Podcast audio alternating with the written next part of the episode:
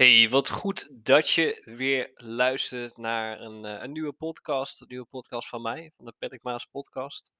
Dit is alweer de dertiende aflevering. We gaan, eh, we gaan hard. Eh, misschien heb je het wel gemerkt, de afgelopen tijd nog niet heel veel podcasts geplaatst. Ik ben ook een, een verandering in positionering aan het doen. Voorheen was ik business coach. Ik ben nu meer een performance coach. Performance coach, eh, wat het dan precies is, dat ga ik nog in een andere podcast uitleggen. Maar wat het vooral is in een notendop, is dat ik eh, in tegenstelling tot veel business coaches je geen, trucje ga leren, maar echt ervoor ga zorgen dat je op persoonlijk vlak, maar ook op business vlak, heel erg gaat transformeren eh, naar de persoon die je wil zijn. Want uiteindelijk, als jij een trucje aanleert, dan mag je het na gaan doen. En uiteindelijk zul je echt wel succes gaan bereiken. Maar op een gegeven moment ga je toch merken dat er iets mist. Sorry. Dat er iets mist. En ehm, ja, dat jij nog steeds die oude persoon bent die je eigenlijk in het begin was. Want daar is niet aan gewerkt. Je bent nog steeds diezelfde persoon. Waardoor je nog steeds bepaalde keuzes maakt, fouten maakt, die je eigenlijk niet hoeft te maken als je ook tegelijk met die trucjes mee bent gegroeid als persoon. Dus dat is even als ja, als een soort notendop om aan te geven wat nou performance coaching is. Ehm, in deze podcast ga ik in gesprek met, uh, met Tanno, Tanno Jacobs. Uh, hij heeft mij zelf benaderd om uh, in een podcast te komen. Superleuk. En um, hij is een eigenaar van een eigen fitnessstudio. En hij wilde graag wat meer gaan vertellen over ja, bewegen, sport. Wat heel belangrijk is ook als jij online onderneemt. Um, want vaak zitten we gewoon alleen maar achter onze computer en uh, doen we eigenlijk heel de, rest, de rest van de dag eigenlijk helemaal niks. Um, en dat is ook waar we het over gaan hebben in, uh, in deze podcast. Hoe kan je nou ervoor zorgen dat je fit blijft, energiek blijft, dat je gewoon op een top kan blijven presteren voor jouw klanten, voor de opdrachten die je moet doen. Uh, maar we gaan ook nog een stukje dieper. We hebben het ook wel een beetje over het stukje performance coaching. Daar is al een beetje introductie naar. Dus ik ga je niet langer ophouden in deze, uh, in deze intro. Ik wens je heel veel plezier met deze podcast. Ik hoop dat je er natuurlijk weer heel veel uit gaat halen. En straks dan, dan hoor je mij nog even terug. Hey, wat goed dat je weer luistert naar een, een nieuwe podcast van mij, van, van Patrick Baas. Uh, ik, heb, uh, ik heb dit keer weer een, uh, een nieuwe gast. Is het trouwens een tijdje geleden dat ik een podcast heb opgenomen. dat heeft zo zijn reden, maar ga ik nog een podcast over opnemen. maar we gaan gewoon gelijk erin duiken, want ik heb een hele leuke gast en dat is Tanno. Welkom Tanno. Ja, super bedankt Patrick voor de uitnodiging en dat we hier nu samen een mooi uurtje kunnen vullen met waarde. Zeker, zeker. Ik ben ook heel erg blij dat jij er bent. Ehm, wij hebben elkaar natuurlijk gesproken uh, jij, uh, jij zei tegen me, goh, ik wil graag eens uh, in jouw podcast te gast zijn. Nou, dat is gelukt. ja, zeker. en um, vertel gewoon eens wie je bent, wat je precies doet. Stel je eens voor aan, ja, aan de luisteraars. Ja, nou welkom. mijn naam is Tanno Jacobs. Ik ben 23 jaar jong. ik ben de trotse eigenaar van Travo Coaching. En wat dat precies is en, en inhoudt, dat zullen we ongetwijfeld in deze podcast wel iets over laten vallen. Uh, kort in de basis help ik mensen van A naar B op uh, gezondheidsvlakken, zowel fysiek als mentaal. Ik ben nu ongeveer een jaartje of twee uh, echt actief in mijn bedrijf. Daarvoor was ik daar wel al mee bezig vanuit de sportschool waar ik werk. maar nu is het officieel, ja, sinds 2020 ben ik daar echt de eigenaar van en draai ik echt volledig op mijn eigen, op mijn eigen benen, zeg maar. Ja, daarnaast uh, liggen mijn interesses voornamelijk bij gedrag, psychologie. Uh, maar uiteindelijk komt het terug op het fundament dat is uh, mensen helpen naar een beter leven. En daar komt natuurlijk een stuk ondernemerschap aan te pas. Zeker, zeker. Hey, en hoe, hoe, hoe, ben jij gestart? Hè? Want je bent, je bent vrij jong, je bent 23 zeg je. Ja. Je, je, bent dus nu al een eigenaar van een, mag ik het zo zeggen, een fitnessstudio? Ja, zeker. Ja, ja, ja, zeker. ja, ja ja, hoe, hoe, ben dat, hoe, hoe ben je daarbij zo gekomen? Hoe ben je gestart? Uh, toen ik uh, afstudeerde uh, op het MBO, sorry, nee, VMBO, had ik de keuze om ja, inderdaad door te gaan studeren. Die keuze heb ik aangenomen en ben ik bij het Corps Mariniers ehm, aan de slag gegaan. Dat was een, een dubbele, ehm, zeg maar een soort van werk en ehm, een leerstudie. Ehm, eigenlijk, omdat ik nog 16 was, uh, benauwde mij het idee dat ik over een anderhalf jaar al fulltime zou werken. Uh, mariniers is natuurlijk niet niks. Dat is best wel een stap in, uh, in, in het volwassen leven, maar natuurlijk ook een best wel harde wereld.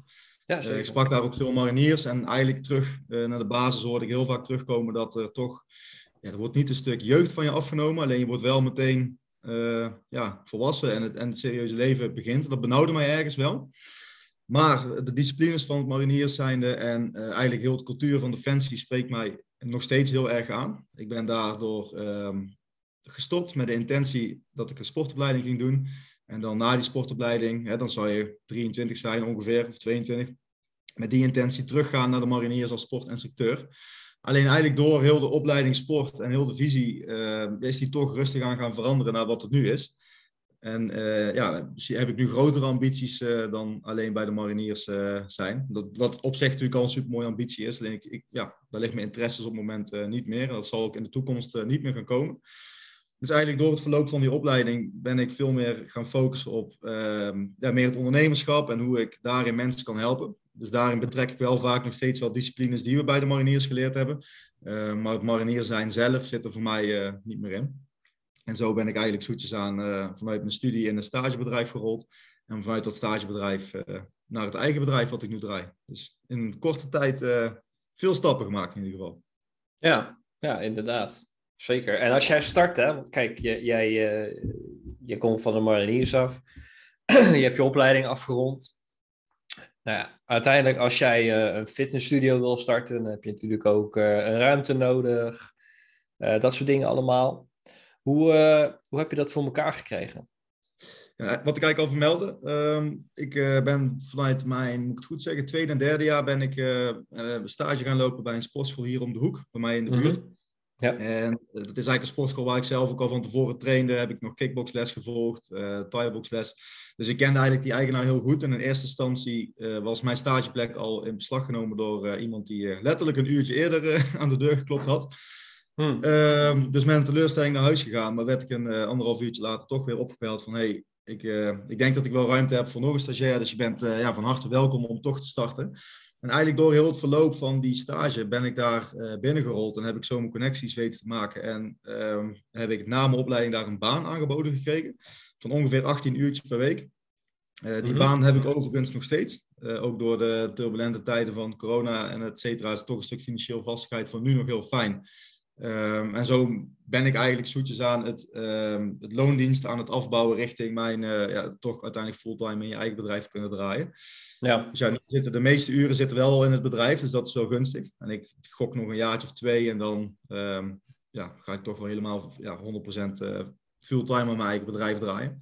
En ik vind de combinatie zo ook ideaal, want mijn ruimte zit dus uh, gevestigd in deze sportschool. Dus het is voor mij een shirtje uittrekken en het werkshirt aan en ik uh, loop zo mijn andere bedrijf binnen of een andere baan binnen.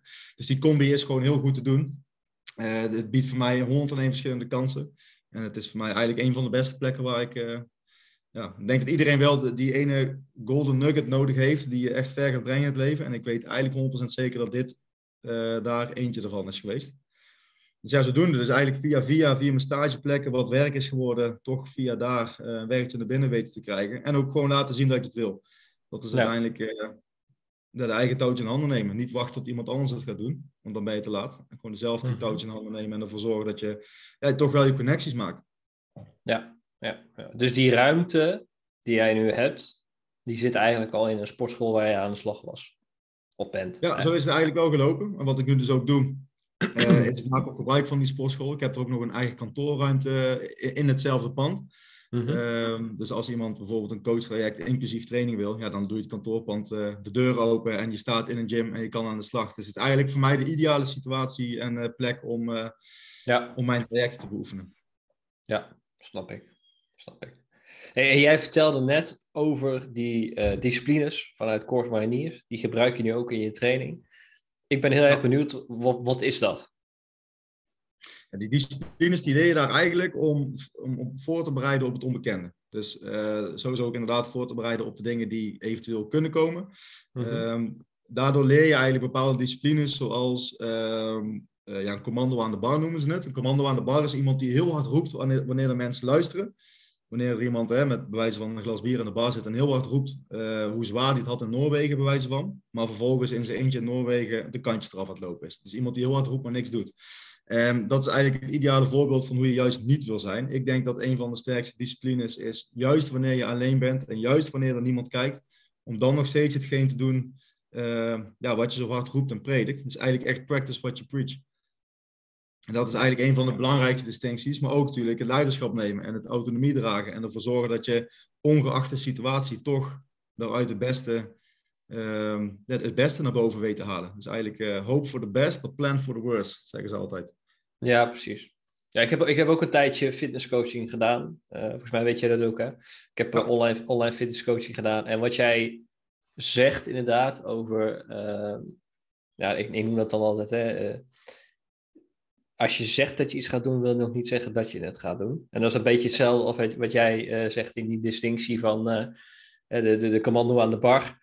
Um, het gebeurt gewoon heel vaak dat, oh, ik moet dit nog gaan doen. Of ja, dat, dat, dat, komt nog wel. Of, of, of, en, en, als, en, en dan is het een heel groot verschil tussen moeten en ervoor kiezen of het te gaan, te, te gaan doen. Um, en inderdaad, als, als iemand niet kijkt, in between the meetings zeg ik eigenlijk altijd, dan moet het werk gedaan worden. En dat is vaak ja. het geval bij mensen, vooral mensen die aan een, aan een uh, fysiek willen werken. je hebt heel veel afleiding, je hebt heel veel dingen die om je heen gebeuren. Waardoor je dus heel snel kan afwijken van eigenlijk je plan. En dan ga je het ook heel snel weer goed praten. En dan, ja, dan ga, kan het ook makkelijk zijn dat je in zo'n coachcall of een gesprek met je, met je personal trainer, dat je alles weer heel erg mooi gaat houden, hè? Eh, commando aan de bar, maar uiteindelijk eh, het gewoon eigenlijk niet doet. Nou ja, en dan vervolgens wel met de vinger wijzen naar, eh, naar je coach of trainer of therapeut Juist. of psycholoog of geef de naam. He, van ja, nee, het traject heeft niet geholpen. Nee, alleen is het dan een traject dat niet werkt of ben jij als persoon zijnde niet? Uh, werk jij als persoon zijn er niet. En dat is, ik neem altijd als voorbeeld uh, koud afdouchen of koud douchen op zich. Het is natuurlijk best wel een uh, hippe trend geworden de laatste tijd. En terecht ook wel. Het heeft natuurlijk ook heel veel gezondheidsvoordelen. Mm -hmm. um, alleen er is niemand die voor jou die kraan op koud gaat draaien. Dat zul je toch echt zelf moeten doen. En dat is de eerste keer super moeilijk en super zwaar. En dat verergt gewoon best wel wat, wat uh, disciplines.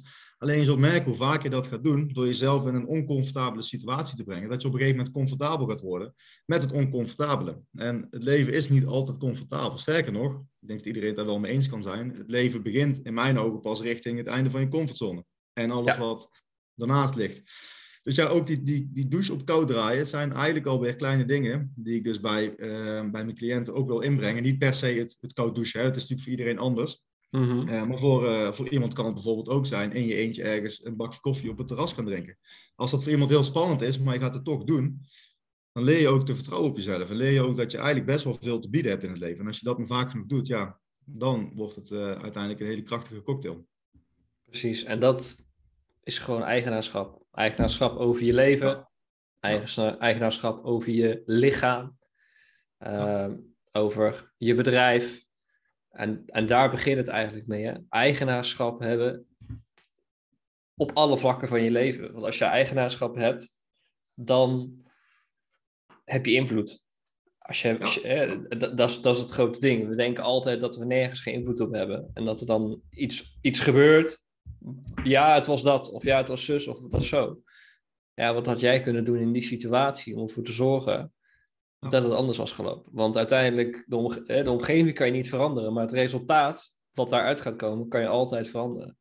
Ja, en dat, is, en, dat is, en dat is wat jij nu heel goed omschrijft. En dat is die eigenaarschap. Eigenaarschap nemen over jezelf. En ja, jezelf in de spiegel te durven kijken. Wat eigenlijk ja, nee, heel veel mensen niet durven. Nee, kijk, ik pak altijd een voorbeeld, vooral in het eerste, eerste lockdown in maart. Toen hadden wij uh, bij mij in het dorp had je een paar uh, winkels naast elkaar, een paar restaurants. En daar zie je heel erg, zag ik tenminste heel erg het verschil tussen uh, slachtoffer en eigenaarschap nemen. de ene, ene eigenaar van het restaurant ging protesteren in Amsterdam en de andere die begon een takeaway. Ja. ja, het is net, hè, kijk, natuurlijk, er is niks mis mee om af en toe een slachtofferrol te hangen. Sterker nog, ik denk dat het menselijk is en het maakt je ook mens. Alleen het gaat er in mijn ogen om, om het te leren herkennen bij jezelf. En er dan mhm. vervolgens toch alles aan te gaan doen om toch in die leiderrol te stappen. Ja, dat zag ik met, met die twee restaurants heel mooi terugkomen. De ene die kiest ervoor om niks te doen en eigenlijk zijn handen eraf te trekken en zoiets van, ja, nou goed, dicht buiten mij. En de andere, die zal ongetwijfeld ook gruwelijk gebaald hebben, maar die kiest er wel voor om vervolgens stappen te ondernemen die wel gaan bijdragen aan een beter eh, einddoel. Precies. En kijk, een, een, slachtofferrol hoeft niet per se verkeerd te zijn. Het is ook niet verkeerd. Alleen het is gewoon niet werkbaar. Dat is Nee. gewoon het hele ding. Het is niet werkbaar voor de doelen die je graag wil behalen. Als je slachtofferrol aanneemt, sta je stil. Ja. Ja, dan, dan, dat is ook oké dan- af en toe, hè? Zeg je? Dat is ook oké af en toe. En inderdaad, het leven brengt Ja. eh, gewoon klote situaties met zich mee. Kijk, het verlies van een dierbare bijvoorbeeld, daar heb je nul invloed op. En dat Ja. is ook heel normaal dat dat je week of je maand of je jaar gruwelijk gaat beïnvloeden.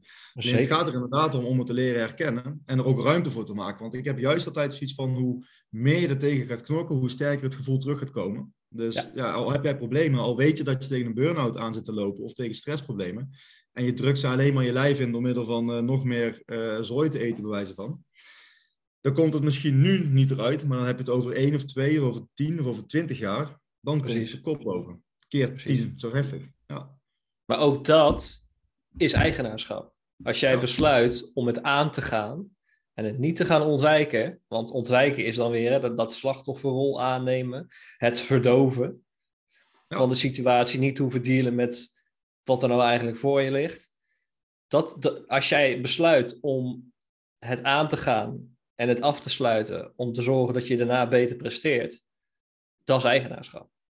ja, uiteindelijk te verkiezen om, om toch ermee aan de slag te gaan. Ook al heb je in het verleden foute keuzes gemaakt. Kijk, ik zie vanuit mijn werk natuurlijk heel veel mensen met overgewicht. En die mensen die zijn stuk voor stuk, komt terug op de kern.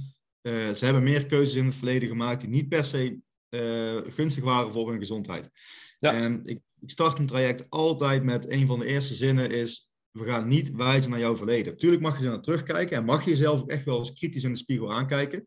Natuurlijk ga je daarvan leren en ga je jezelf als feedback eh, ervaren en daar ook op kunnen inspelen. Alleen het heeft letterlijk nul nut om te gaan wijzen naar iets wat je tien jaar geleden gedaan hebt. En om daar je vervolgens een week lang schuldig of kloot over te gaan voelen.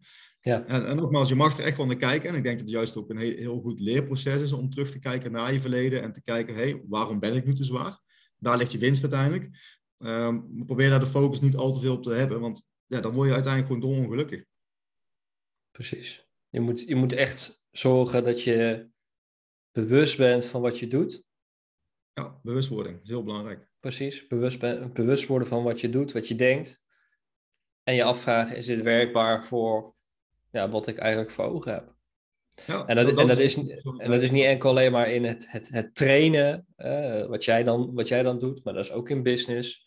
Dat is ook in relaties. Dat is op alle vlakken van je leven.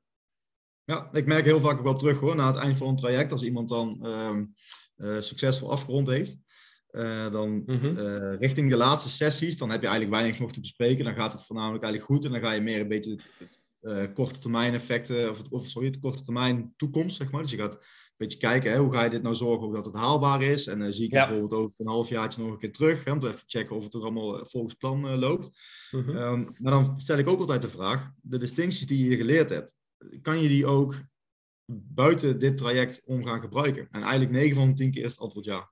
Eigenlijk als je heel het traject afpelt als een ui en je komt tot de kern, dan kan je daar zo verschrikkelijk veel mee. Ook al breng ik het nu in het jasje gezondheid en structuur en stress, leren omgaan met stress en met, met, ehm, met herstructureren. Als je die kern daarvan pakt, komt allemaal terug op leiderschap uiteindelijk. En als je dat op een gegeven moment weet en, en je hebt het vertrouwen ook dat je die leiderschap in je hebt, ja, dan durf ik te wedden dat iedereen daarin ehm, ja, baat bij gaat hebben. En daarmee ook verder gaat komen met leven. En dat, dat hoeft niet meteen dat je een miljoenenbusiness start, maar dat je misschien een, een betere vader gaat zijn. Of dat Ja. je eh, beter met je relaties omgaat. Of, Juist. ja, Ja, maar, en, maar het wordt ons ook gewoon niet geleerd. Het wordt ons niet geleerd om leiderschap te nemen. Ehm, het, het, het- en, en natuurlijk, hè, kijk, eh, school en dat soort dingen is hartstikke goed. Maar het wordt je niet geleerd om leiderschap te nemen over jezelf. over je relaties, over ja, eigenlijk van alles eh, waar je, waar je eigenaar, eigenaarschap in zou moeten nemen om verder te kunnen komen in het leven. En ehm, dat zie je gewoon nu nog steeds meer terugkomen. Die, die, die, die middelmatigheid die er heerst, eh, waardoor ja, mensen eh, in, in, in een bepaald soort uh, rad blijven lopen, terwijl ze eigenlijk er liever uit willen, maar die keus maar niet maken. Bijvoorbeeld, hè? Ja, en dat heeft... uiteindelijk... Hm? Nee, sorry. Nee, uiteindelijk, uiteindelijk uh, heeft school natuurlijk uh, zijn bijdrage tot een bepaalde hoogte. Kijk, je leert je communicatie, ja. je leert heel veel goede dingen. Alleen, um, nee, ik kan me nog wel herinneren toen ik net van de middelbare afkwam, dat ik mijn ouders op een gegeven moment aankeek van ja, is het normaal om schulden te hebben? Uh, is het normaal, hè, wat is een fatsoenlijk uurloon? Wat is een normaal inkomen? Dat zijn allemaal dingen die ik miste uit mijn school. En dan heb ik het nog niet eens gehad over de communicatievaardigheden. Um, inderdaad, mindset. mindset, hè, je leert inderdaad om, je wordt eigenlijk gewoon klaargestoomd om voor die baas te gaan werken. Juist. Ja, je wordt klaargestoomd om gewoon te doen wat je wordt opgedragen. Ja. En, uh, en verder rest uh, gewoon mee te, mee te doen in het systeem, in het rad te blijven lopen. Ja. Um, en, en, en, en, en verder rest alleen maar gewoon te zorgen dat de economie blijft lopen. En dat is niet verkeerd, hè? Nogmaals, het is niet verkeerd als je, als je in een baan zit en je vindt het helemaal prettig daar en je, je vindt het goed. Alsjeblieft, blijf dat dan ook gewoon doen. Ja, die mensen heb je ook zeker nodig. Kijk, uiteindelijk... Ja, die, precies. Uh, er komt een beetje een beweging en daar kan ik uh, zelf iets minder goed tegen. Maar er is ja, nu valt het wel mee hoor. Maar de laatste tijd een beweging geweest met een beetje het, het tegenkeren tegen de 9 tot 5 uh, baan. Nou, dat is natuurlijk uh, onder ondernemers best wel een ding. Ja, lekker 9 tot 5. Maar goed, ik denk ook wel heel, heel nuchter en simpel. Die mensen zijn er ook. En als, als, als de 9 tot 5 baan er niet waren, wie gaat dan jouw How to Master Your Mindset boekje thuis bezorgen? Hè? De, Precies. Iemand moet het uiteindelijk doen. En die mensen heb je gewoon nodig om een, om een economie draaiende te kunnen houden. Ja, je leert op school gewoon weinig over inderdaad, wat is er meer? En wie ben ik eigenlijk? He, wie, Ja. wie, je leert jezelf kennen, maar het is niet zo dat het op uh, de meest efficiënte en uh, begeleidende Nee. manier gaat. Je moet Nee. jezelf al heel snel in een, in een, in, in een, in een bepaald hoekje gaan wringen. Ja, Je moet al heel snel kiezen waar je voor wil gaan. Eh, want je moet zo snel mogelijk klaargestoomd worden om voor een baas te gaan werken.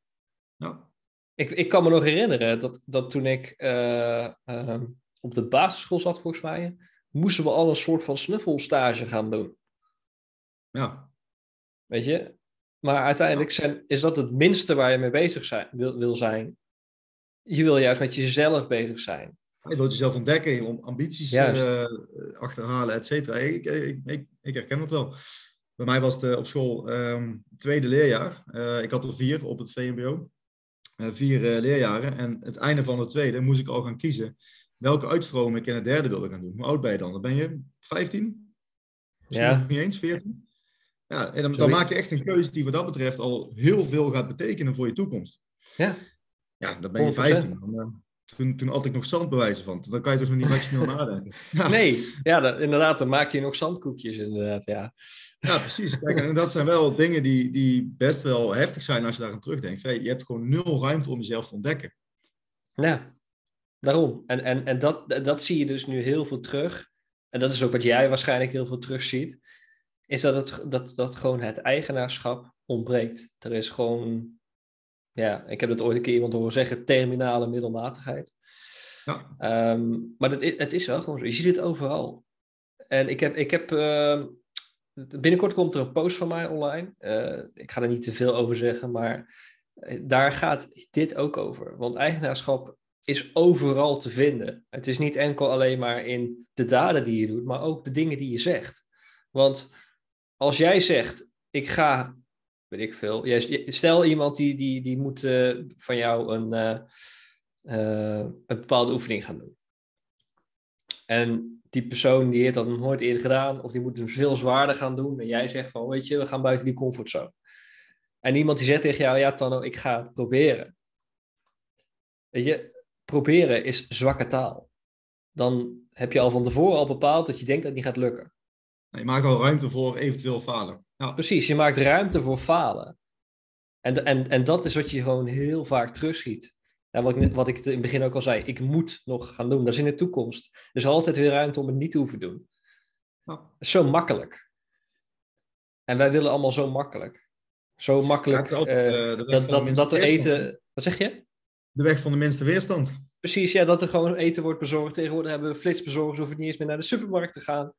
Ehm, eh, we, willen, we willen continu eh, geëntertained worden eh, via, eh, via Netflix, via Videoland, maakt allemaal niet uit. Uh, lezen doen we tegenwoordig niet meer. We zijn niet meer bezig met onszelf. We zijn alleen maar bezig met andere dingen. Ik merk dat er frustratie bij me gaat komen. nee, nee, nee.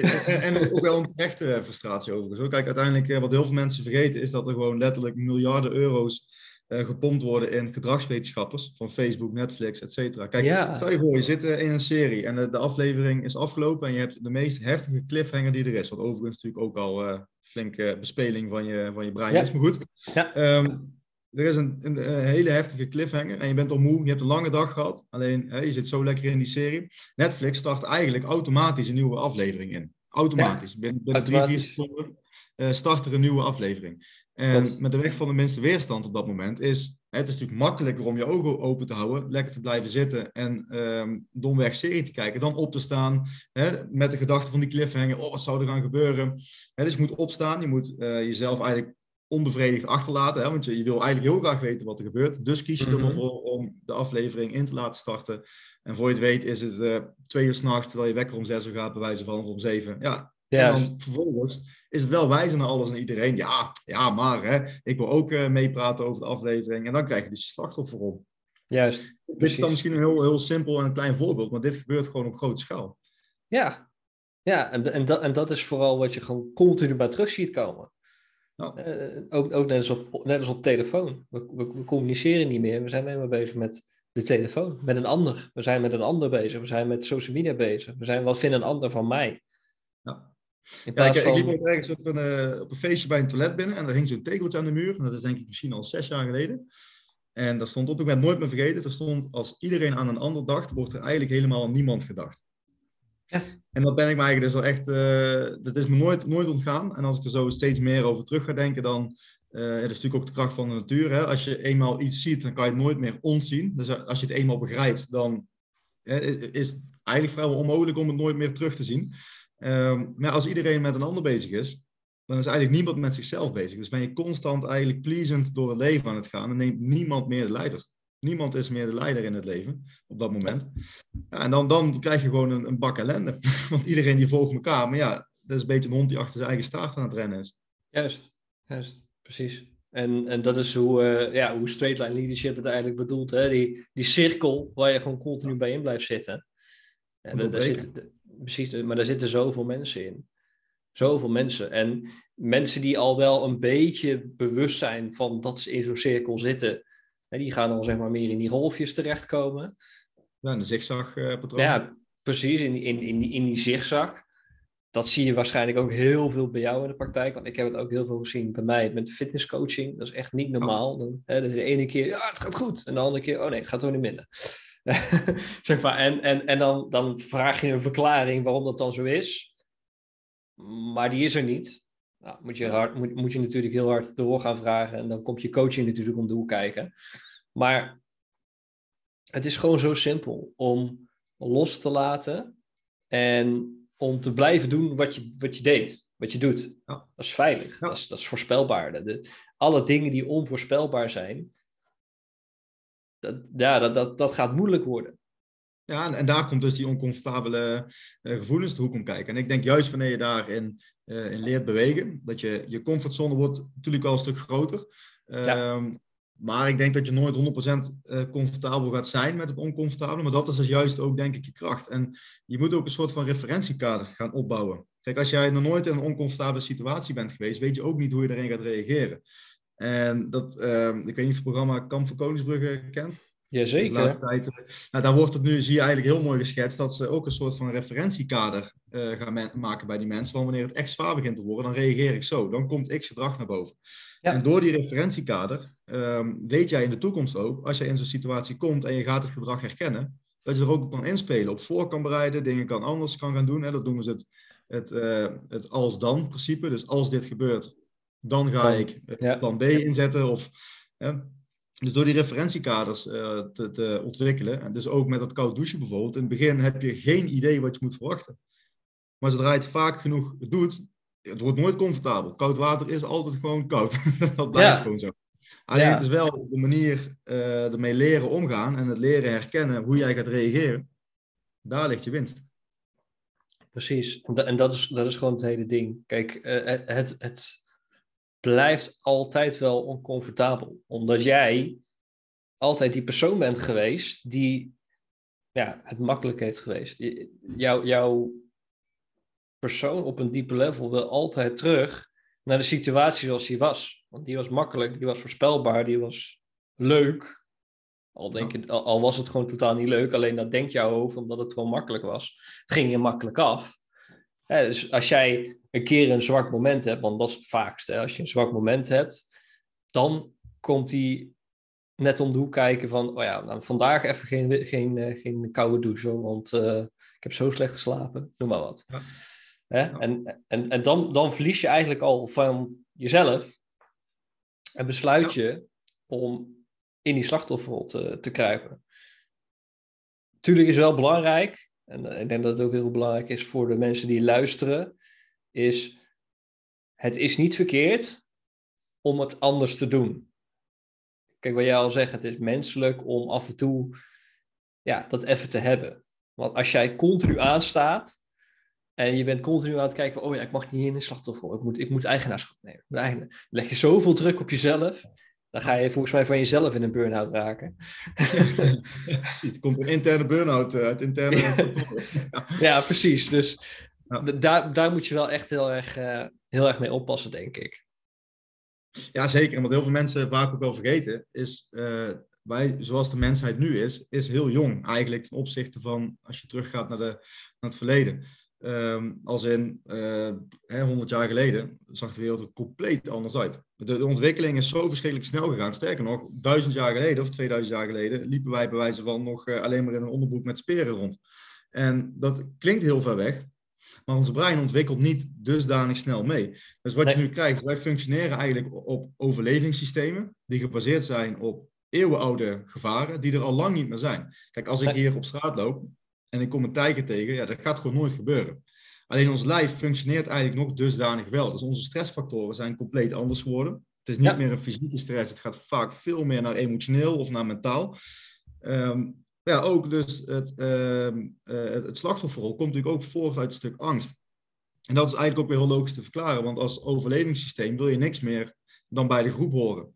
Uh, niet, uit, niet uitgesloten worden. Uh, angst beschermt je voor uitsluiting, voor uh, teleurstellingen, voor uiteindelijk de hoogste prijs, de dood. Mm -hmm. dus ja, als je constant je, jezelf door angst laat leiden, dan, dan, wordt het leven gewoon een stuk minder prettig. Want je bent constant in je comfortzone. En natuurlijk is angst een van de beste mechanismen die je hebt. Hè. Kijk, als jij 3000 jaar geleden alleen maar bomen stond te knuffelen, dan was het hapslik weg en je bent opgegeten. Dus die angst is heel nuttig, nog steeds. Ja. Ja. Uh, maar, leer, maar, maar, leer daar een gezonde relatie mee bouwen. En dan komen we eigenlijk weer terug naar het schoolsysteem. Leer je emoties kennen. Dat wordt gewoon niet geleerd. Kijk, angst is heel goed en kan heel gunstig zijn, stress ook. Alleen als jij er nul referentiekaders aan hebt, dan laat je jezelf zo erg leiden door angst, dat je uiteindelijk niks meer gaat ondernemen. Dan krijg je dus inderdaad slachtofferrol, ga je cirkels draaien. Dan loop je eigenlijk constant hetzelfde rondje, hopen dat je ergens anders gaat uitkomen. Ja, en dan heb je een leven waarin je dus altijd hebt gedaan wat een ander wil niet wat jij wil. Ja, we weten eigenlijk allemaal, uh, we zijn niet zo lang op aarde. Dat is gewoon zo. Al lijkt het lang, het is gewoon niet lang. Het is, uh, op, op, op, tijdlijnbasis zit het uh, nog een knip van een seconde.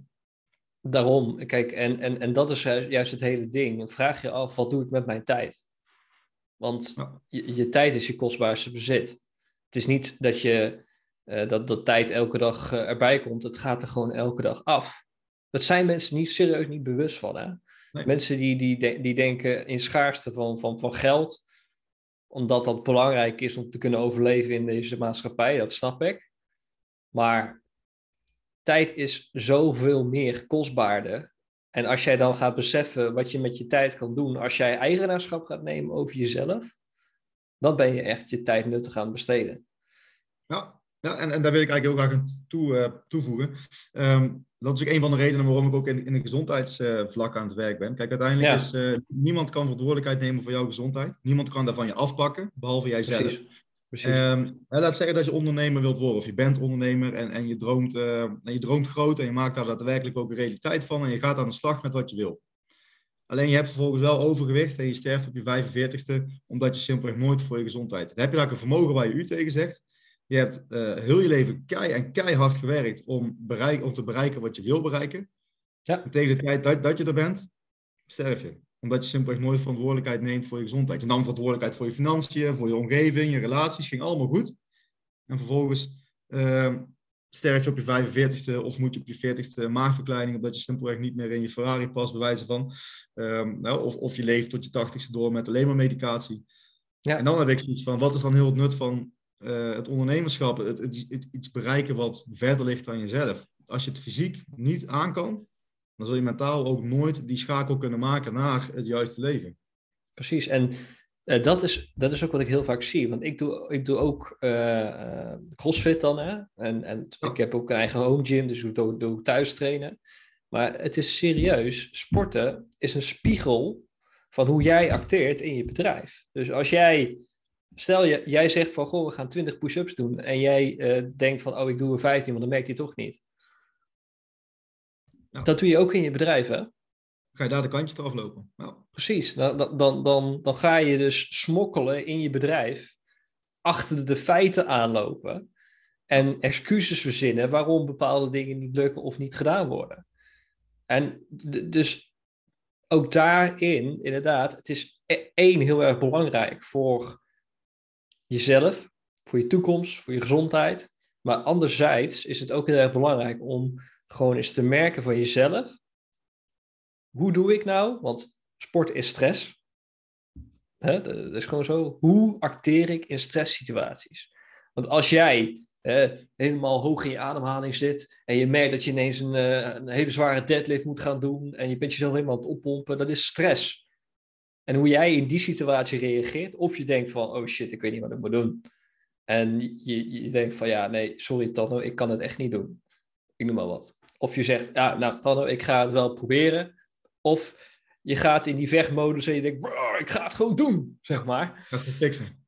Ik ga het gewoon fixen dat, dat, is een groot verschil, maar dat, dan ga je zoveel van jezelf zien. En dat, daarom is het ook zo belangrijk voor ondernemers om te zorgen dat je inderdaad, naast dat je je onderneming hebt, net zoveel tijd, moeite, geld misschien ook wel, te investeren in sport. Want ja, zeker. Jij bent de motor achter je bedrijf. En als jouw motor niet werkt, ja. Het bedrijf ook nergens in. En dan heb, kijk, en het is natuurlijk ook, uh, je ziet natuurlijk veel mensen in de, in de gezondheidszorg. Sinds corona is uh, dus sowieso de gezondheidsindustrie flink uh, geklapt. En terecht ook wel. Ik denk dat er veel meer aandacht naartoe mag gaan. Kijk, het feit ja. dat 80% op de IC overwicht had, heeft, ehm, zegt natuurlijk wel iets over de huidige situatie van, van de samenleving. En, Zeker. Ja, kijk, uiteindelijk ben ik heel blij dat daar meer energie en tijd in gaat. Ja, anderzijds komen er ook heel veel mensen de hoek om met hele foute intenties die puur en alleen geld willen gaan verdienen. Uh, en die daar gewoon op inspelen. En dan krijg je dus weer de weg van de minste weerstand. Ga ik twaalf weken lang aan de bak en ga ik al in en ga ik niet de kantjes eraf lopen? Of bestel ik een sapkuurtje op internet uh, waarin ik acht kilo in een week ga verliezen, wat waarschijnlijk alleen maar vocht is. En binnen no time sta ik weer terug en dan ga ik weer naar het product wijzen van, ja zie je nou wel, het werkt niet. Maar als keer op keer trajecten niet slagen bij jou, dan moet je jezelf eens gaan afvragen of het aan het traject ligt of aan jezelf. Ja, maar dan ben je gewoon op zoek naar die pil. Ja, dus iedereen daar op zoek. Van, van hè, als ik nou die pil neem, is alles geregeld. Precies. Nee, schrijf die pil nou maar gewoon voor me uit. Dan uh, ben ik van alles af. De, kan ik lekker op de bank blijven liggen Netflixen. Ja. Precies. Net, net, als mensen die zeggen, die, die, die, die, wil, die zeggen iets te willen veranderen aan hun mindset. Die kopen een mindsetboek of een cursus. Nou, nu heb ik een goede mindset. Ja, zo, geregeld geregeld. Uiteindelijk is het gewoon waar de, is de praktijk waar het gaat leren. Kijk, uh, autorijden kan je niet leren uit de boeken. Je zult echt de weg op moeten gaan met het risico dat je jezelf verongelukt tegen een boom. Ja, hoe hard het ook is, het leven is hard en je zult aan de bak moeten, punt. Yes. En dat is met afvallen, dat is met een gezond levenspatroon, dat is met stress handelen, dat is een bedrijf bouwen. Het, het is gewoon hard. De wereld is hard. Kijk, en, en nu wordt het natuurlijk steeds met heel de media en heel de, ehm, de onrust die er gaande is in de wereld. En dan heb je het natuurlijk over Oekraïne en natuurlijk afgelopen twee, twee jaar. Dat zijn gewoon, kijk, er gebeurt veel. Alleen het zijn geen nieuwe dingen voor de mens. Alleen heel veel mensen zien het nu pas, omdat het simpelweg iedere dag het nieuws komt. Dus ja, en social media, hè? Het is, het, het is nog, het is nog sneller op social media dan dat het in het nieuws is tegenwoordig. Ja. Dus, dus we, zien al, we zien veel meer. Ja. Waarom? uiteindelijk, uh... En dan komen we terug bij het verhaal wat we daar straks Omdat we alleen maar bezig zijn met anderen. Niet met onszelf, maar alleen maar aan het kijken naar andere mensen. Wat doen andere mensen? Wat vinden andere mensen? Dan zijn er ook nog mensen die gaan reageren onder die post. Omdat ze, weet ik veel, willen trollen, omdat ze mensen helemaal willen opnaaien. Ja, sorry, maar dan ben je echt inderdaad gewoon maximaal in de slachtofferrol. Ja. Ja, kijk, kijk, en uiteindelijk oorlog is natuurlijk niks nieuws. Helaas. Ik bedoel, het gebeurt al, al, al duizenden jaren. Alleen het is nu uh, mee eens, het is dichterbij. En het is uh, ook, ook wat dat betreft, uh, Nederland is ermee gemoeid tot bepaalde hoogte. Maar het gebeurt al duizenden jaren. Alleen omdat het nu zoveel op de voorgrond is, krijgen heel veel mensen nu gewoon een heel negatief wereldbeeld. De uitspraak, ik ga geen kinderen op deze wereld zetten, hoor ik steeds vaker omheen. Terwijl het eigenlijk heel onlogisch is. Ja. Want de wereld is veiliger dan ooit. Maar daarom, maar het, wordt, het wordt gewoon uitvergroot door heel veel dingen. En kijk, net, net als hiervoor met, met, met, uh, met corona, het wordt gewoon uitvergroot. Het wordt zo groot gemaakt, waardoor hè, het, het, het angstdingetje in je hoofd op maximale toer gaat draaien. Ja. Ja, en, dat je, en, en, en, en, dat je denkt van, goh, ik, ik, ik, ik, ik, ik, moet iets anders gaan doen, want dit is, uh, nee, dit, is, dit werkt niet voor mij. Ik noem maar wat. Ja. En de mensen die eigenlijk... Oh, ik, ik praat elke keer door jou heen. Nee, ik even, maak je zin af. Maak je zin af. maar de mensen die dus eigenlijk eigenaarschap namen... En echt, ik, ik vind het helemaal niet erg hoor. Maar die werden gewoon aangezien als wappies. Ja. De mensen die eigenaarschap namen, werden aangezien als wappies. Ja. En die dus ervoor kozen of om uit Nederland te vertrekken en naar een andere, ander, ander land of ander continent te gaan.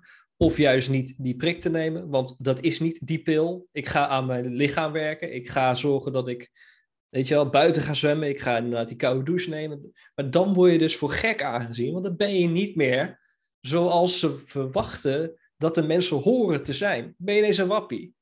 Ja. Ja, kijk, uiteindelijk denk ik dat er drie rollen zijn in de samenleving. Je hebt natuurlijk de schapen, zoals ze het heel mooi noemen. Je hebt de schapen, je hebt de, de, de wolf. dus die, die zijn natuurlijk altijd met elkaar in, uh, in gevecht. De, de, schapen die worden geleid door, uh, tenminste wat anderen denken, de wolven. Hè? Maar een wolf pakt ook alleen maar de kwetsbaren. En dan heb je boven heel die kudde, staat maar één iemand, dat is de, de herder, de schapenherder. Die heeft geen rol, heeft geen voorkeur, doet zijn eigen ding en is wat dat betreft niet leidend. Kijk, schapen worden geleid. Maar wolven is ook niet goed. Want wolven die eh, profiteren alleen maar van mensen die drastisch minder sterk zijn. In dit geval dus de wolf en de schaap. Terwijl ik denk dat de, uh, de herder die erboven staat uiteindelijk alle touwtjes in handen gaat nemen. En dat is dus in mijn ogen de definitie van een echte leider. En ik denk dat leiders niet geboren worden. Ik denk dat iedereen een leider is. Alleen dat je het maar net op de juiste manier naar voren uh, moet weten te halen. Door middel van juiste coaching of door middel van de juiste ervaring in je leven. En dat is ook wat ik mensen wil leren in een traject. Is ga eens verder op zoek dan alleen die pil. Dan alleen maar het, snelle, het snelle succes. Maar denk eens op lange termijn, 20, 30 jaar tijd. Welk voor, voorbeeld wil ik hebben voor mijn kinderen? Wil ik mijn kinderen überhaupt zien opgroeien? Als ik zo doorga, gaat het mij niet lukken. Als in, hè, stel ik ben 150 kilo en ik, uh, ja. het, het, het, einde is nabij. Ja, precies. Precies. En, dat, en, en ik denk dat dat ook gewoon heel erg goed is om dat ook aan, aan de luisteraars uh, aan te geven. Als je nu, inderdaad, als je nu luistert en je zegt van, goh, weet je, ik, uh, ik besef me dat ik gewoon aan mijn gezondheid iets te doen heb. Weet je, ga vandaag al beginnen. Ja. Want wat, eh, wat, uh, wat let je om daar gewoon niet mee, mee te gaan starten? Ja, kijk, uiteindelijk is het belangrijk inderdaad. Om, om, om een spiegel voor te houden en eens goed te reflecteren naar jezelf. Van hé, hey, ja. oké, stel je wil gaan ondernemen, of je, wat ik al zei, je bent ondernemer, of, of hè, je hebt al een heel bedrijf en, en, en het lukt en, en, je, en je wordt succesvol en, en het gaat allemaal goed. Uh, waar komt je energie uit? Uit jou als persoon zijn. Uit je voeding, uit je sport, uit je mindset, uit hoe jij kijkt naar het leven. Uh, dat is gewoon. Uh, ja, je fundament is gewoon het belangrijkste van allemaal. Want dat is wat je zelf ook al zegt. Je bent de motor achter het bedrijf. En als jouw fundament niet sterk is, dan houdt het op. Kijk, en heel veel mensen die kiezen ervoor om, om ik ga nu alles anders doen. Ik ga meteen van nul naar zes keer in de week naar de sportschool. Ik ga alles, uh, al het, uh, het slechte, doe ik even tussen haakjes slechte, want hè, dat is natuurlijk ook zebra denken, zwart-wit denken. Mm -hmm. de, de, lijn tussen gezond en ongezond is niet heel hard of zo. Dat is best wel een, een vrij gebied. Maar goed, ik ga alle chips, ik ga alle, alle, alle alcoholische dranken, alles ga ik uit mijn leven verbannen. Om vervolgens in het weekend mij helemaal te laten gaan, want het is niet gelukt en ik ben weer een mislukkeling en dit is al de derde poging die faalt, om vervolgens uh, jezelf helemaal vol te stompen met, uh, met allemaal zooi en, en, en, en rotzooi. Mm Om vervolgens maandag weer opnieuw te starten. Zes keer in de week aan de sportschool, wat sowieso best wel een uitdaging is. Ook voor mensen die al, al jaren trainen, zes keer in de week gaan, is, heb je echt wel mindset en dedication voor nodig. Zeker. Begin eens met twee of drie keer en maak daar een gewoonte van. Ga, ga met je trainingen om alsof het doktersafspraken zijn, die belangrijk voor je zijn. Hè? Want je gezondheid doet toe. Ja. Dus ja, dat zijn wel dingen die, uh, die heel veel mensen over het hoofd zien. Dus begin klein. En begin met iets wat je vandaag of op zijn minst deze week nog kan doen. Ja, iedere stapje is er eentje. Ja, ja, iedere stap die je zet is, is eentje meer dan dat je niet zou zetten. En iedere, kijk, elke training is beter dan de training die je niet doet. Dat is vooropgesteld. En eh, je ziet natuurlijk ook heel veel mensen die gaan meteen focussen op de, de, de diepste trainingsprincipes en de perfecte voeding. En dat is mooi. En ik vind het heel mooi om te zien als mensen daar zo gedreven in zijn. Maar wacht daar heel even mee. En zorg eerst dat je gewoon om je heen een structuur gaat bouwen waarin fitness en sport en gezondheid past. En ga daarna eens kijken naar welke trainingsprincipe is dan ideaal voor mij. Kijk, stel je wil uh, gaan droogtrainen, dan komt er echt een lab tekst op je af. Terwijl het eigenlijk in de basis vaak heel, heel erg meevalt. Hè? Het is eigenlijk een hele simpele rekensom. Ja, het is heel simpel. Ja. Ja, er is gewoon veel te veel kennis tegenwoordig. Dus je wordt ja. overspoeld met, met kennis en met, uh, met info die eigenlijk helemaal niet noodzakelijk is. Ja. Daardoor voel je al van, oké, dit gaat een klus worden. En dan vervolgens ga je of helemaal niet meer starten, of je gaat starten met eigenlijk uh, veel te veel uh, hooi op je vork. En binnen no time stop je ermee en ga je weer wijzen. Het is niet voor mij weggelegd. Ik ben zo geboren. Ik ben nooit slank geweest. Ja, het is gewoon jammer. Ja. En, maar het is, het is ook gewoon het droogtrainen, het afvallen, is gewoon heel simpel. Het is, gewoon, het is gewoon minder eten dan wat er binnen, hè, dan wat je verbrandt. Dus het is niet zo moeilijk, we maken het moeilijk. Dat is het hele ding. Je maakt het moeilijk in je hoofd. Uitzonderingen daar gelaten. Want mijn vriendin die, die heeft zelf iets waardoor ze moeilijker kan afvallen. dus, eh, en, en, en, dat, en dat is iets, iets medisch, dus daar kan je niks aan doen. Dat snap ik. Uitzonderingen daar gelaten. Maar ben je gewoon helemaal tip-top in orde, dan is het gewoon echt wel mogelijk. Nou, grotendeels van de mensen, en dan praat je echt wel over een ruime 95%, als het niet meer is, um, heeft geen moeite met afvallen. Tenminste, het lijf heeft geen moeite met afvallen. Het brein heeft er iets meer moeite mee, hè, want daar komen dus in die oncomfortabele zones terecht. Um, kijk, uiteindelijk, ik, ik, zie bijvoorbeeld heel veel mensen, heel veel vrouwen ook wel, uh, rond de 40, 45, 50, richting die overgangsfase. Nou, het is ook gewoon een feit, vrouwen worden vaak zwaarder wanneer ze richting de overgang gaan. Maar ga je het als een excuus gebruiken? En ja, zie je dan wel, ik kan het niet, want ik zit in de overgang, of ga je het als werkbare factor inschakelen? Kijk, tuurlijk, mannen vallen makkelijker af dan vrouwen. Punt. Dat is gewoon natuur. Ik heb het ook niet verzonnen. Maar word er boos om. Of ga er iets aan, of, of ga ermee leren leven. Dat is natuurlijk heel makkelijk door de bocht nu.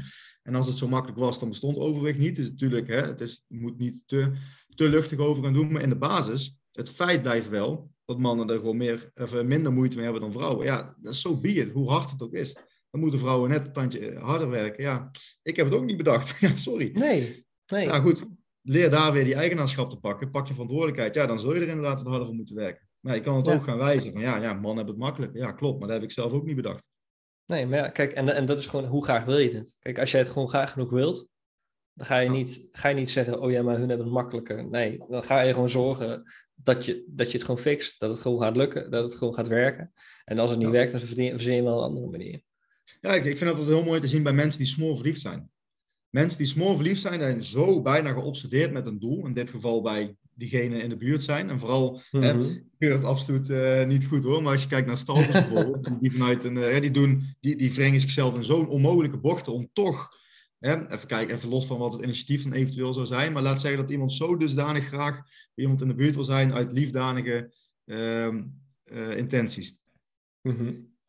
Uh, sommige mensen kan je gewoon voor gek verklaren voor hetgeen dat ze doen om bij diegene in de buurt te zijn. Dat ze het allebei heel graag willen. Ze hebben die connectie. Ze willen ergens 100% voor gaan. Ja. Als je met die input en met die, uh, die visie zeg maar andere dingen gaat benaderen, daar is waar je winst ligt. Kijk, iemand die verliefd is, die gaat heel veel gekke dingen doen, puur om bij diegene in de buurt te zijn. Ja. En als je die dingen gaat projecteren op andere dingen die heel belangrijk voor je zijn, en met die, uh, ja, met die commitment eigenlijk het leven ingaat, ja, dan, dan daar gaat je winst uh, liggen. Uiteindelijk is het geen quick fix en wil je echt op lange termijn gaan denken. Zowel in je bedrijf als in je relaties, als met je partner of met je gezondheid. Ja, uh, verliefd worden op jezelf. Ja, kijk, en dat is weer, kom je weer terug op het schoolsysteem. Wie houdt er nou echt van zichzelf? Natuurlijk, gelukkig begint het nu iets meer te worden. Maar ja, er wordt natuurlijk meteen meer zo'n westers tintje aan, uh, aan gedaan met, uh, met yoga bijvoorbeeld. Ja, hoe lang moet dat dan? Ik kan me nog wel herinneren dat uh, de beste man Tibor Olgers, vast wel bekend bij, mm -hmm. bij, bij jouw luisteraars. Ja. Dat hij op een gegeven moment op zijn story had, had geplaatst van, dat, dat er inderdaad overal een westers tintje aankomt. Oké, okay, we moeten meer mindfulness kunnen. Hoe lang dan? En hoe moet ik zitten? En, en, en welk muziekje moet ik dan luisteren? En nou, we moeten meer, meer vis gaan eten. Nou, oké, okay, maar wat dan? En welke dan specifiek? Begin gewoon. En kijk eens gewoon wat het voor je doet. Al zit jij een minuut of al zit jij een uur. Ik heb dat zelf ook gehad hoor, toen ik begon met meditaties en yoga en met mindfulness. Ik moet een uur zitten. En na, denk ik, 40 minuten had ik echt zoiets van, pff, ik heb er helemaal geen zin, maar ik heb het uur wel volgemaakt. Nou, kan je zeggen, ah, dat is uh, motiverend. Maar ja, in hoeverre is die 20 minuten nog nuttig geweest. Ja, precies. Hoe ver is het, heeft het nog effectief, effectief gehad, zeg maar? Ja, ja, kijk, en dan is het terugkomen naar oordelen. Kijk, het kan inderdaad een excuus zijn dat het oncomfortabel is en dat je misschien wordt blootgesteld aan iets waar je helemaal niet aan wil denken. Kijk, en als je dan voor kiest om te stoppen, dan moet je zelf even reflecteren van ben ik daadwerkelijk gestopt omdat ik iets aan het ontlopen was of ben ik gestopt omdat het gewoon voor mijn gevoel voldaan was. Ja. op dat moment was ik gewoon voldaan, maar moest het ego zo nodig door, dat ik vervolgens gewoon rug, rugpijn begon te krijgen, omdat ik gewoon echt niet meer comfortabel zat. En dat is weer leiderschap leren nemen over, uh, ook over je eigen keuzes. Stop ik nu omdat ik iets aan het, um, aan het doen ben wat voor mijn gevoel al voldaan is en ik heb hier lang genoeg gezeten? Of stop ik omdat ik uh, misschien bepaalde gedachtepatronen op begin te uh, voelen, die ik eigenlijk helemaal niet wil voelen. En ik begin te denken aan die discussie van eergisteren en ik voel me er heel oncomfortabel bij. Of en ik stop daarom. Ja, dat zijn natuurlijk twee compleet verschillende redenen waarom ik op dat moment een meditatiesessie zou kunnen beëindigen. Maar alleen het is wel die feedback en die spiegel die ervoor gaat zorgen dat ik daarin kan oordelen. Ben ik gestopt met de juiste reden, ja of nee? Ja, precies. En dat is, dat is elke keer die afweging die je, die je zou moeten maken. Ja. Uh, om ook, kijk, en, en dat, dat, dat is ook hè, een stukje reflectie naar jezelf toe. Uh, dus continu kijken naar jezelf. En dat bedoel ik met verliefd worden op jezelf. Is je wil verliefd worden op jezelf, omdat je voor jezelf wil zorgen. Voor je lichaam. Je wil zorgen dat je op de juiste manier denkt. Uh, ik hoorde gisteren, hoorde ik van een vriendin een hele mooie, zat, zat, zat van, uh, van Michael, had zijn boek gelezen. En die schreef ook dat heel veel, heel veel mensen in de wereld, die hebben, uh, je, je, moet je, je gedachten, je mind moet je zien als een soort tuin. Heel veel mensen hebben daar onkruid in staan. Heel veel mensen hebben daar onkruid in staan. Maar als jij heel goed zorgt voor je tuin, voor jezelf, dan gaan er heel veel mooie bloemen, planten, dan heb je een mooie tuin. Maar dan moet je wel dat onkruid eruit gaan trekken. Maar dat onkruid ontstaat alleen maar omdat je niet van jezelf houdt, omdat je niet voor jezelf zorgt. Omdat je alleen maar negatief denkt. En, en dat, dat bedoel ik met het verliefd worden op jezelf. Dat je niet verliefd wordt op een ander, want dat is ook goed maar dat je net zoveel houdt van jezelf en dat je daar, daar echt voor wil gaan. Ja, uiteindelijk moet je een interne drijf, uh, drijfsfeer hebben. Juist. dat zie je heel vaak, hè, dat, uh, dat noemen ze in de psychologie een away and towards movement. En een away and towards movement, kort door de bocht, is je hebt, uh, het gedrag blijft hetzelfde. Dus laten we even twee personen pakken, even in de fitnessbranche te blijven. Um, Piet en, uh, en Klaas die gaan 1, april, of 1 januari starten. Hè. Natuurlijk een ideaal moment voor heel veel. Mm -hmm. Piet die komt naar de sportschool omdat uh, zijn vrouw, de partner, vindt hem niet meer aantrekkelijk. Hè, ze heeft ja. toch liever iets meer masculine man, iets meer afgetraind, bezig met zijn gezondheid, et cetera. Dus hij gaat eigenlijk naar de sportschool om pijn te vermijden of te ontlopen, of in ieder geval een away movement. Hij beweegt ergens vanaf. Terwijl ja. Klaas komt naar de sportschool, omdat omdat hij gewoon een goed voorbeeld wil zijn voor zijn kids. Hij wil zijn kinderen een goed voorbeeld geven hoe belangrijk het is om voor jezelf te zorgen, hoe belangrijk het is om eh, een goed fundament voor jezelf te bouwen. Daar komen we daar weer op terug. En als je dan over drie, vier maanden gaat kijken naar wie er nog steeds aan het bewegen is en wie niet, is de kans zo drastisch veel groter dat Klaas nog steeds in de sportschool is, omdat zijn interne drijfsfeer, uh, ja. Uit, ja, je zegt het eigenlijk al, het komt intern uit hem. Terwijl bij Piet komt het veel meer vanuit extern. En misschien dat hij al dusdanige ruzies heeft gehad met zijn partner en ondertussen gescheiden zijn, bij wijze van. Waar is zijn motivatie dan heen? Precies. Dus eh, stel jezelf die vraag ook, ook voor de luisteraars. Ben ik een pijn of een oncomfortabele situatie aan het weglopen door middel van drugsgebruik, drankgebruik, uh, andere gedragsverslavingen? Of ben ik daadwerkelijk aan het doen waar ik naartoe wil? En, en als je dat op een gegeven moment in kaart kan brengen, ben ik een bedrijf aan het starten omdat uh, dat ik meer erkenning wil van mijn ouders, ben je eigenlijk weg, weg aan het bewegen van de pijn. Of ben ik een bedrijf aan het starten om te laten zien dat ik ze trots maak. En niet omdat ik daar zoveel behoefte aan heb, maar omdat ik dat graag doe uit liefde of waarde. Maar uiteindelijk doe ik het voor mezelf. En, en dat is die interne drijfsfeer. Ja, het verschil tussen intrinsieke motivatie en extrinsiek. En extrinsiek werkt gewoon niet. Nee, het is heel fijn tijdens de training, hè, al die, die, die, uh, al die komopjes om je heen. En, uh, maar uiteindelijk moet jij terug kunnen vallen op jezelf. Ja, en bij, daarnet hadden we het over Kamp van Koningsbrug. En daar vragen ze ook heel vaak, voor wie ben je hier? Ja.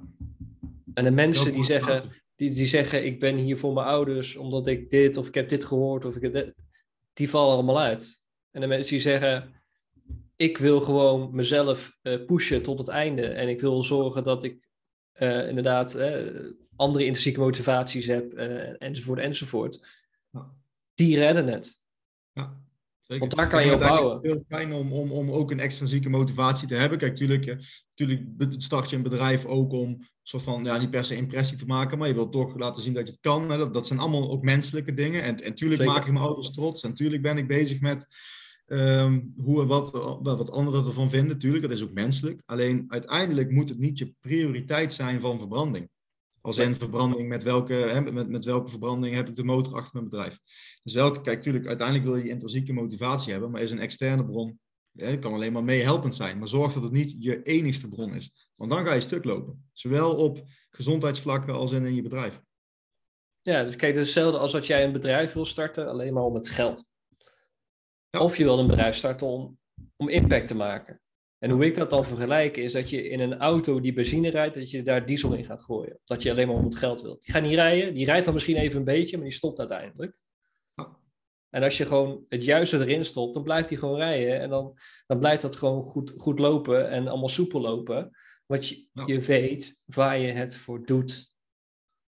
En geld, kijk, geld dat, dat, wat ik al zei, hè, die auto die stopt een keer, die heeft je dus andere benzine of nieuwe nodig of weet ik veel wat.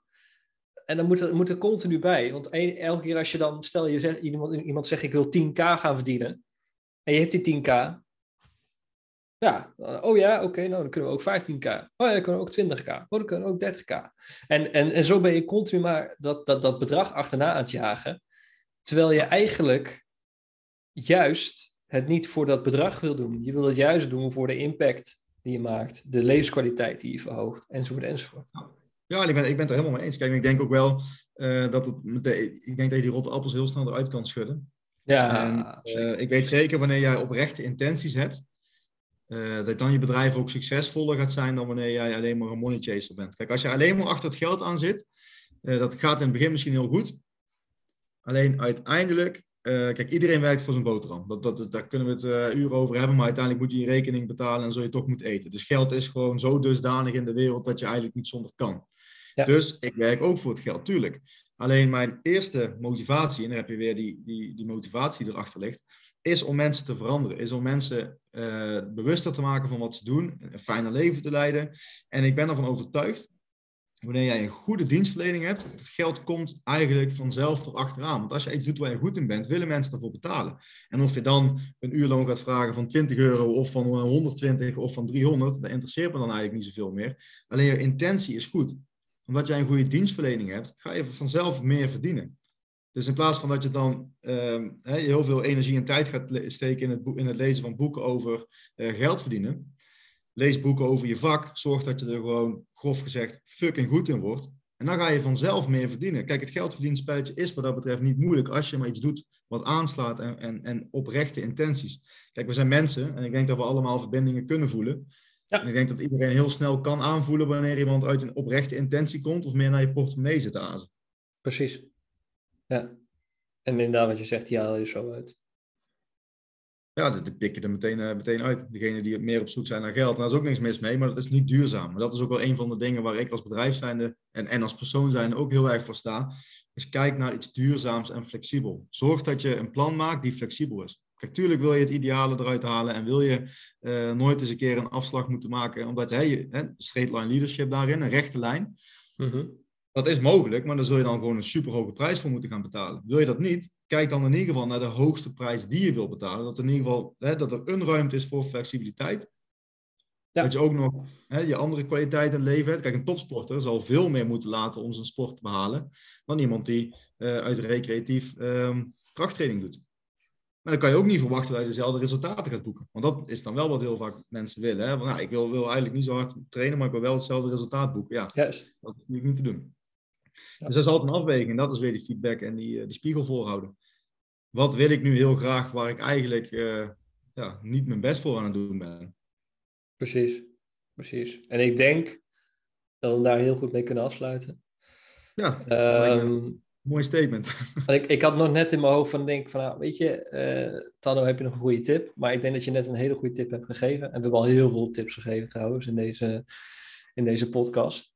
Ja, kijk, ehm, fijn. Dus ik, maar ik ben nog wel heel even benieuwd, want kijk, stel mensen die zijn aan het luisteren, die zeggen, goh, ik wil bij, uh, bij Tanno gaan trainen. Wat moeten ze dan doen? Ze kunnen altijd uh, mailen naar info.travelcoaching.nl. Dat is altijd de meest, in ieder geval de simpelste contactbron. Uh, verder, mijn nummer staat op de site. Uh, www.travelcoaching.nl Verder op Instagram uh, ja, ben ik wel mee bezig. Mijn Instagram feed is nog niet dusdanig heel heftig interessant. En in de toekomst gaat er wel veel mooie dingen opkomen. Dus je kan het altijd alvast opzoeken. Um, op mijn website staan best wel mooie artikelen, ook over uh, vanaf de basis van wat is afvallen, maar ook tot aan wat is nou de relatie tussen positieve psychologie en gezondheid. Dus daarin kan je best wel veel wijsheid eh, vinden.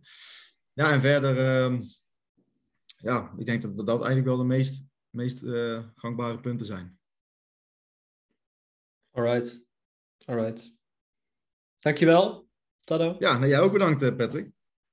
En um, nog een hele fijne dag. Uh, en ik hoop dat je de volgende keer uh, ja, weer luistert. Misschien weer een nieuwe gast, misschien niet. Maar dat ga je dan uh, tegen, die tijd, tegen die tijd wel horen. Bedankt voor het luisteren. Dankjewel dat je helemaal tot het einde hebt geluisterd. Super gaaf dat je echt gewoon alles in je op wilde nemen en dat je gewoon bent blijven luisteren. Ik denk dat je een van de weinigen bent namelijk, maar heel erg gaaf dat je dat hebt gedaan. Uh, hopelijk heb je ook heel veel voor jezelf uitgehaald. Heb je heel veel uh, informatie tot je kunnen nemen waarbij je, waarmee je iets mee, uh, iets mee kan. Um, als laatste, voordat ik heel deze podcast afsluit, wil ik nog wel even aangeven. Eh, want ik ben natuurlijk een positioneringverandering aan het doen. Ik ben dus ook een verandering aan het doen in mijn aanbod. Um, ik ben nu ook meer voor andere klanten, doelgroep uh, waar ik voor werk. En dat zijn vooral de mensen die ondernemer zijn, ambitieus zijn en uh, ja, sowieso een spoor al hebben verdiend in, uh, in het ondernemerschap. Denk aan 3000 tot 5000 euro per maand structureel. En je wil gewoon doorgroeien. Je wil doorgroeien naar het volgende level.